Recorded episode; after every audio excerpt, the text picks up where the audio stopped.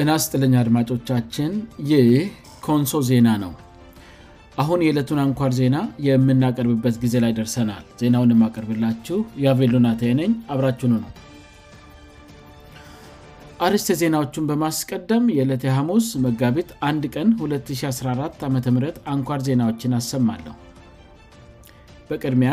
አጫጭር አካባቢያዊ ዜናዎች የኮንሶ ዞን ከፍተኛ የሥራ አመራር የኮልሜ አባያ መንገድ የሥራ ጎብኘት ማኅበረሰብ አቀፍ የጤና መድህን በኮንሶ ዞን ወረዳዎች የሰዎች እስር በኮልሜ ጠብላና ቁጨለ ቀበሌና የከብቶች ዘረፋ በደልቤና ቦርቀራ ኢትዮጵያውነት የሀገራዊ ምክክሩ ቀዳሜ አጀንዳ እንዲሆን ተጠየቀ ለዩክሬን ተዋጊዎች ማሰለፍ አደጋ ያለው ስትል አሜሪካ አስጠነቀቀች አሁን ዜናውን በዝርዝር አሰማለሁ በቅድሚያ አጫጭር አካባቢያዊ ዜናዎች የኮንሶ ዞን ዋና አስተዳዳሪ አቶ ዳዊት ገበየውን ጨምሮ የዞኑ ከፍተኛ የሥራ ኃላፊዎች ከኮልሜ ከተማ ወደ አባያ ኬቴ በመሰራት ላይ ያለውን የጠጠር መንገድ መጎብኘታቸውን የመንግስት ኮሚኒኬሽን መምሪያ በማኅበራዊ ትስር ገጹ በኩል አስታውቋል 12 ሚሊዮን ብር ገደማ ይፈጃል ተብሎ የታሰበው የ26 ኪሜ መንገድ ግንባታ 7 በላይ ወጪው የሚሸፈነው በአካባቢው ማኅበረሰብ መሆኑም ተገልጿል የዞኑ መንግሥት የ38 ሚሊዮን ድጋፍ ያደርጋል ተብለል የመንገድ ሥራው ከ3ት ወራት በፊት የተጀመረ ሲሆን እስካአሁን 8 ኪሜ የአሄድ መሰራቱ በዛሬው የሥራ ኃላፊዎች ጉብኝት ተመልክቷል መንገዱ ስጠናቀቅ ምርታማ የእርሻ አካባቢ በሆነው በማስወያ ቀበልእና በሌሎች የኮልመቀበልያት መካከል ከፍተኛ የገበያ ትስስር ይፈጥራል ተብሎ ይጠበቃል መንገዱ ገና በመሰራት ላይ ያለ ቢሆንም የጭነት ተሽከርካሪዎች ከቅርበቱ አንጻር አልፎ አልፎ እንደሚጠቀሙበት ይታወቃል ከአንድ ወር በፊት በዚሁ መንገድ ላይ ሰዎችንና እህል በአንድ ላይ በጫነ መኪና ላይ በደረሰ የመገልበጥ አደጋ የአምስት ሰዎች ህይወት ማለፉ አይዘነጋም ማህበረሰብ አቀፍ የጤና መድህን ጋር በተያያዘ በሁሉም የጎንሶ ዞን ወረዳዎች ከፍተኛ የሆነ የግንዛቤ መፍጠርና አዳዲስ አባላትን የማፍራት ተግባራት በመፈፀም ላይ ናቸው በቅርብ ጊዜ የጤና ማዕቀፉ የቦርድ አባላት የጤና መድህኑ ጋር በተያያዘ ባደረጉት ግምገማ ዝቅተኛ አፈፃፀም መኖሩን እንደደረሱበትና በሁሉም ወረዳዎች በንቅናቀ ደረጃ የግንዛቤ ማስጨበጥ ስራዎች እንድሰሩ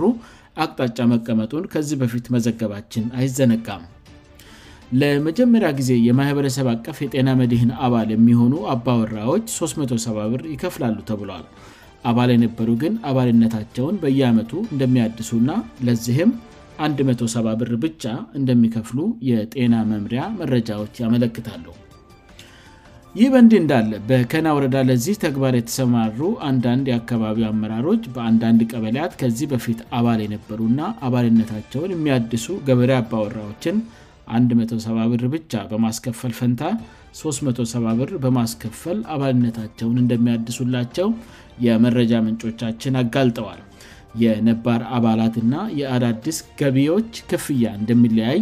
ለገበረ ኅብረተሰቡ በማስረዳት ፈንታ የበቂ ግንዛቤ አለመኖርን ተገን አድርገው ያልተማሩ አርሶ አደሮችን እያጭበረበሩ ነው ተብሏል በዛሬ 2ለት 15 የቀንድ ከብቶች ባልታወቁ ታጣቂዎች ከደልቤና አካባቢ መዘረፋቸው ተገለጸ ይሁንና ከቦርቀራ ና ከዱሮ አካባቢ አንድ ላይ የተቀናጁ ሰዎች ባደረጉት ክትትል ከብቶቹን ማስመለስ መቻሉ ታውቋል እነዚህ ያልታወቁ ታጣቂዎች ከአሌ ልየወረዳ አቅጣጫ የተሻገሩ መሆናቸው የተገለጸ ሲሆን በቅርብ ጊዜ በኮልሜ ና በገዋዳ ወንድማማች ህዝብ መካከል የወረደውን ሰላም ማደፍረስ የሚፈልጉ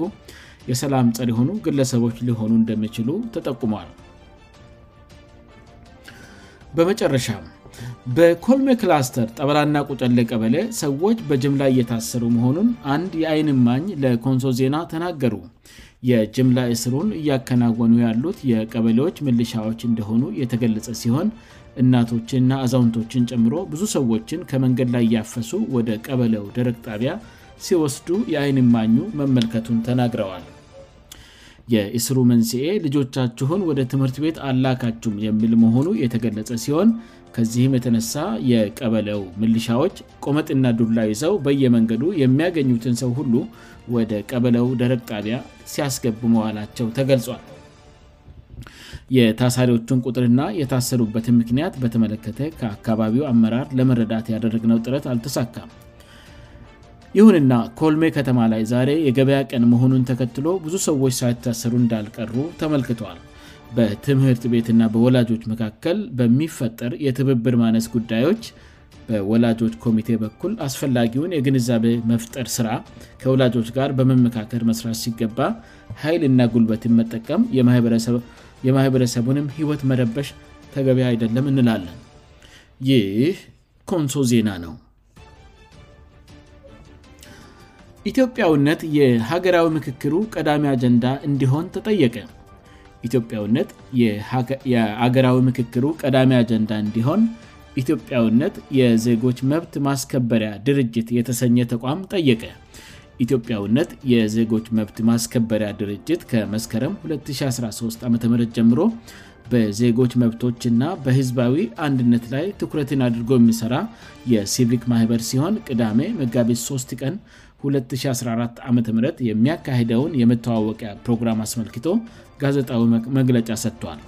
በመግለጫው ላይ የተገኙት የድርጅቱ ስራ አስኪሄድ አቶ ሞገስ በቀለ እንደገለጹት ኢትዮጵያውነት የሚለው አጀንዳ በሀገራዊ ምክክሩ ውስጥ በቀዳምነት ሊነሳ እንደሚገባ አሳስበዋል ይህንንም የሚጠይቅ ደብዳቤ በመጪው ሳምንት ለሀገራዊ ምክክል ኮሚሽኑ እንደሚያስገቡም ተናግረዋል አገራዊ ምክክሩ በተለይ በኢትዮጵያውነት ላይ ተመሳሳይ አመለካከት ከተያዘና ስምምነት ላይ ከተደረሰ በኋላ ወደ ሌሎች ጉዳዮች መካሄድ አለበት ብለዋል ኢትዮጵያውነት የምለውን ሀሳብ የማይቀበል አካል ባለበት ሁኔታ ሌሎች ጉዳዮች ላይ ምክክር ቢደረግ ውጠት አያመጣም ስሉም አስረድተዋል ህገ መንግስትን በተመለከተ አሁን ኢትዮጵያ ውስጥ ለተፈጠረው ግጭትና አለመግባባት ምክንያት የሆኑ የህገ መንግስቱ አንቀጾች ተለይተው ግልጽ ውይይት ሊደረግባቸው ይገባልም ብለዋል መሻሻል ያለባቸው አንቀጾችም በቀጣይ የችግር ምንጭ እንዳይሆኑ በማድረግ ማሻሻል ያስፈልጋልም ብለዋል ምክክሩ የሁሉም ህብረተሰብ እንዲሆንና በተለይ በምሁራንና በፓርቲዎች ላይ ብቻ የተንጠለጠለ መሆን እንደሌለበት አሳስበው በማኅበረሰቡ ውስጥ ያሉ ሁሉም አካላት ሊወከሉ ይገባል ብለዋል ለምክክር ኮሚሽኑ ከተጠቆሙት የመጀመሪያዎቹ 632 ሰዎች መካከል ከ200 በላይ የሚሆኑትን በእኛ ድርጅት አማካይነት የተጠቆሙ ናቸው ያሉት አቶ ሞገስ ከጥቆማው ባለፈ ሁሉም ህብረተሰብ በምክክሉ ላይ ንቁ ተሳታፊ እንዲሆን ጥሪ አቀርበዋል የኢትዮጵያውነት እሴቶችን ማስተማር የኢትዮጵያ ህዝብን አንድነት ማጠናከር ና የዜግነት ስነልቦናን ማዳበር ላይ ትኩረት አድርጎ የሚሠራው ኢትዮጵያውነት የዜጎች መብት ማስከበሪ ድርጅት በ1984 ዓም እነ ዶር አድስ አለማየው ለተናል ጀነራል ጃካማ ኬሎ እና ሌሎችም በጋራ መስርተውት የነበረው የኢትዮጵያውነት ማህበር ሀሳቦች መነሻ በማድረግ በ2013 አም የተመሠረተ ድርጅት እንደሆነ ለማወቅ ተችሏል ይህ ኮንሶ ዜና ነው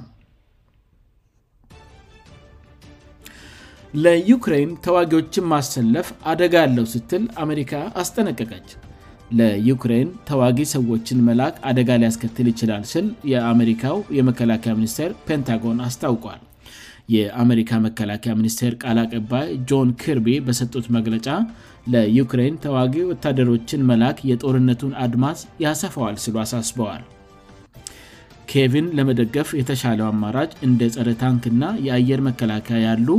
የመከላከያ የጦር መሳሪያዎችን ማቅረብ መሆኑንም አስታውቀዋል ከምድር ወደ አየር የሚወነጨፉ የምሳኤል መከላከያዎችን እና ሌሎችም ትጥቆችን ለዩክሬን ማቅረብ ተጠናክሮ እንዲቀጥልም ቃል አቀባዩ ጠይቀዋል ለዩክሬን የሚደረጉ ሌሎች የጦር መሳሪያ ዝውውሮችም ቅድሚ ልሰጣቸው እንደሚገባም ፔንታጎን አስታውቋል ሩሲያ ከዚህ ቀደም በሰጠችው መግለጫ በዩክሬን የሚደረግ ማንኛውም አይነት ወታደራዊ ስምርት መዘዙ እንደሚከፋ ማስጠንቀቋ ይታወሳል በትናንትናው ዕለትም ሜራባውያንና ተባባሪዎቻቸው የሆኑ የአውሮፓና ሌሎች ሀገራት እየጣሉባት ላለው ማዕቀብ ምላሽ ለመስጠት እየተዘጋጀች መሆኑን አስታውቃለች በዚህም ሩሲያ ሜራባውያኑንና ተባባሪዎቻቸውን እጎዳቸዋለሁ ስትል ማስጠንቅቋ አይዘነጋም ይህ በ እንዲህ እንዳለ ዛሬ በሜድትራንያ እንዳርቻ በምትገኘው የቱርክ የሪዞርት ከተማ አንታሊያ በሩሲያ የውጭ ጉዳይ ሚኒስቴር ሰርጌይ ላቭሮቭ እና በዩክሬኑ አቻቸው ዲሚትሮ ኩሌባ መካከል የተካሄደው ውይይት ያለ ስምምነት መጠናቀቁ ታውቋል የዩክሬኑ የውጭ ጉዳይ ሚኒስቴር ዲሚትሮ ኩሌባ ከውይይቱ በኋላ በሰጡት ጋዜጣዊ መግለጫ በዩክሬን ሩሲያ መካከል የተኩስ አቁም ሂደት በተመለከተ የተደረሰ ስምምነት የለም ብለዋል በውይይቱ ሩሲያ ዩክሬን ህገ መንግስታዊ ማሻሻ አድርጋ የሰሜን አትላንቲክ ጦልክ ቃልክዳን ድርጅት ኔቶ እንደማትቀላቀል እንድትገልጽ ና ክሬሚያ ሉዓላዊ የሩሲያ መረት መሆኗን በይፋ እንድታውጭ ጠይቃለች ዩክሬን በበኩሏ የሩሲያ ጦር ከክሬሚያና ዶምባስ ግዛት ጨምሮ ከሌሎች በወረዳ ከያዘቻቸው ለዓላዊ መረቶቿ እንዲወጣ ጠይቃለች ሆኖም ውጭ ጉዳይ ሚኒስትሮቹ በቀረቡት ቅድሜ ሁኔታዎች ላይ ሳይስማሙ ውይይቱን አጠናቀዋል ይህ ኮንሶ ዜና ነው አድማጮቻችን ዜናውን ከማብቃት በፊት አርስት የዜናዎችን በድጋሚ አሰማለ በቅድሚያ አጫጭር አካባቢያዊ ዜናዎች የኮንሶ ዞን ከፍተኛ የስራ አመራር የኮልሜ አባያ መንገድ ሥራ ጉብኝት ማኅበረሰብ አቀፍ የጤና መድህን በኮንሶ ዞን ወረዳዎች የሰዎች እስር በኮልሜ ጠበላና ቁጠላ ቀበልና የከብቶች ዘረፋ በደልቤና ቦርቀራ ኢትዮጵያውነት የሀገራዊ ምክክሩ ቀዳሚ አጀንዳ እንዲሆን ተጠየቀ